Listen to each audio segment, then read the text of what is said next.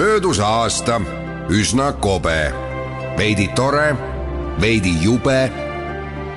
vana laeb, uus tuleb peagi, mis tast saab. no kes see teabki? ühte teada tarvis aga, hoia vapralt püsti saba. ilusaid pühi ja paremat uut aastat soovib Kuku Raadio Kuku Raadios välja öeldud seisukohad ei pea ühtima Kuku Raadio seisukohtadega. Te kuulate Kuku Raadiot. tere jälle, täna on teisipäev, kahekümne seitsmes detsember ja eetris Tagasivaade. minu nimi on Tõnis Eilaid. Täna tuhande üheksasaja seitsmekümne üheksandal aastal kell üheksateist viisteist punkt käivitas Nõukogude Liit operatsiooni Storm kolmsada kolmkümmend kolm, tappes tollase Afganistani juhi Hafizullah Amini tema tugevasti kaitstud Tajbegi palees Kabuli äärelinnas. operatsioon käivitas ühtlasi ka Nõukogude vägede suurema sissetungi Afganistani koos nukuvalitseja Babrak Karmali võimule upitamisega ränk sõda päädis alles viieteistkümnendal veebruaril tuhat üheksasada kaheksakümmend üheksa, kui venelaste viimane soomustransportöör kindralleitnant Boris Kromoviga pardal üle piirisilla sõitis Nõukogude poolele Termezi.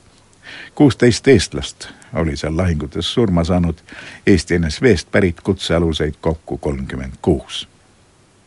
mis eelnes Storm kolmesaja kolmekümne kolmele? tuhande üheksasaja seitsmekümne kaheksanda aasta aprillis oli Afganistanis valitsenud keerulise olukorra ajal võimule tulnud Rahvademokraatlik partei, no seda võib julgelt nimetada Nõukogude kompartei taskuparteiks.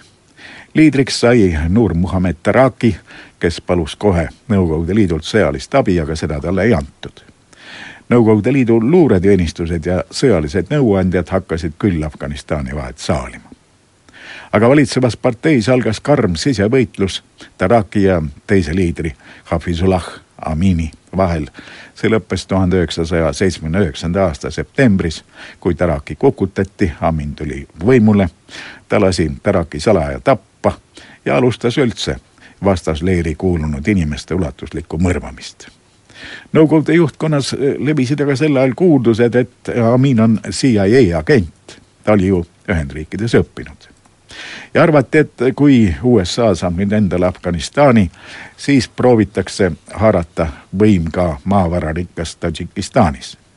Afganistani poolel elas ja elab hulk tadžikke. jutt CIA-st ei pidanud tegelikult paika.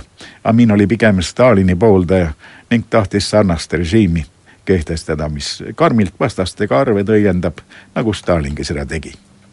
kui ta üldse kellegi agent oli, siis pigem KGB oma kaheteistkümnendal novembril tuhat üheksasada seitsekümmend üheksa said aga Brežnevi juures kokku tema kõige ustavamad kaasvõitlejad. Nad hakkasid arutama, et mida siis nüüd Aminiga ja Afganistaniga ette võtta. kuulati tulevase peasekretäri, tollase KGB juhi Andropovi koostatud abinõude plaani jutt oli nii salajane, et sellest on säilinud vaid väga lühike protokoll, muide pani selle kirja teinegi tulevane peasekretär Tšernenko käsitsi kirjutatud dokumendi pealkiri on olukorrast A-s, mitte Afganistanis. no seal ei ole juttu küll veel vägede saatmiseks. esialgu taheti koondada Afganistani piiri äärde piisavalt vägesid ja teha riigipööre juba seal viibivate üksuste abil. Babrak Karmal kutsuti pelgupaigast Tšehhoslovakkias Moskvasse välja. Aminile aga tuldi sel ajal igati vastu. tema soovil vahetati välja isegi Nõukogude suursaadik Puzanov uus eh, saadik hakkas kohe arutama Aminiga tema Moskva visiidi üksikasju ja lubadust Nõukogude väed saata talle appi. kümnendal detsembril andis kaitseminister Ustinov käsu formeerida uus neljakümnes üldarmee, aga hiljem nimetati seda Nõukogude Liidu piiratud väekontingendiks esimene katse kõrvaldada mind tehti kolmeteistkümnendal detsembril kui teda koos ühe lähisugulasega, kes oli juhuslikult ka Afganistani julgeolekujuht, püüti mürgitada. Bagramist kähku Kabuli kiirustavad Nõukogude üksused pidid seejärel tungima Amiini kesklinnas olnud paleesse ja hoolitsema ülejäänu eest. mürk aga ei toimunud. eksperdid arvasid, et selle neutraliseeris Coca-Cola, mida Amin ohtralt jõi julgeolekuülem tundis end halvasti alles järgmisel hommikul, ta toodi Moskvasse ravile, aga hiljem pisteti Lefortovo vanglasse ja anti Karmalile välja. tõenäoliselt päästis selle operatsiooni seiskamine sadade Nõukogude ajateenijate elu, sest ilma suurte kaotusteta poleks nad suutnud paleed, mida kaitses üle kahe tuhande mehe, vallutada. Amin kolis seepeale kesklinnast minema neljakümne meetriste järskude nõlvadega künkal seisvasse Tatšbegi paleesse. seal olid sakslased just remondi lõpetanud. kaitseüksusi tugevdati. Amin palus abiks ka ühe Nõukogude pataljoni. Moskva oli selleks valmistunud, sest juba pikka aega oli treenitud eri väeüksustest kokku kogutud muhameedlaste pataljonil. see nimi tuli sellest, et kõik sõdurid ja ohvitserid olid pärit kolmest Kesk-Aasia liidu vabariigist Nende munder meenutas Afganistani sõdurite oma, kuid ta oli ilma eraldusmärkideta, võta või jäta, Krimmis tegutsenud roheliste mehikeste eelkäijad. Neile poolele tuhandele mehele lisaks pidid palee vallutama ja ühtlasi ka tegema muid terroriakte strateegiliselt olulistes punktides võitlejad kolmesaja neljakümne viiendast Nõukogude kaardiväe õhudessantpolgust aga peamise töö palees pidid tegema kakskümmend neli meest hilisema eriüksuse Alfa tuumikust koos kolmekümne eriväelasega hilisemast Võmpelist, muhameedlaste pataljoni toetusel muidugi.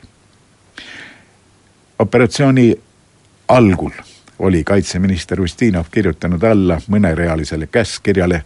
neljakümnes armee ja õhujõud peavad ületama Afganistani piiri kahekümne viiendal detsembril kell viisteist Moskva aja järgi sellest teatati Aminile ja öeldi, et need väed tulevad tema toetuseks.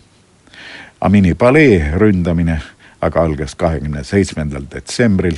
seal oli ka muide sel ajal mitu Nõukogude Liidu kodanikku, peamiselt sõjalisi nõuandjaid ja nende tõlke, kes operatsioonist mitte midagi ei teadnud.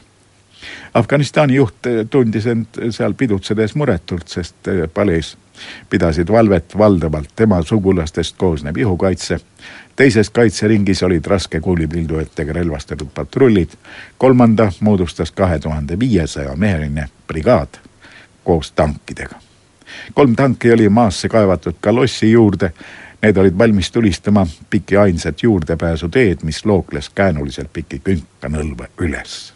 ja eemal seisis veel ka õhukaitsepolk, mille torud samuti kaitsid kogu ümbrust ööd olid sel ajal kärekülmad, nii et Nõukogude soomustransportööre, mis olid rünnaku valmis, pidi aeg-ajalt käivitama. valvebrigaadi juhtkond aga õnnestus maha rahustada.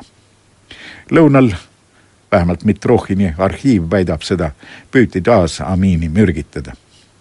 mürgitajaks Mitrohhini arhiivi järgi oli tõenäoliselt valedokumentidega Kabulis elanud aser Mihhail Talibov, kes rääkis veatult farsi keelt ja pälvis usalduse, sai Amini perekonna peakokaks. kui Amin mürgitatult kokku langes, käskis tema abikaasa kutsuda spetsialiste Nõukogude saatkonna kliinikust. arstid ja õed tulid kohale, tõid juba koomasse langeva Amini ellu tagasi üks neist arstidest sai aga hiljem oma sõdurite kuulides surma, kui algas rünnak. ründajad kandsid võrdlemisi suuri kaotusi, rühkides soomustransportööridel üles mööda kitsast juurdepääsuteed. lõpuks pidid nad jalgsi edasi minema, palee künkale roniti redelitel ja tegelikult ei olnud vist ühtegi meest, kes poleks kas hukkunud või mingil määral haavata saanud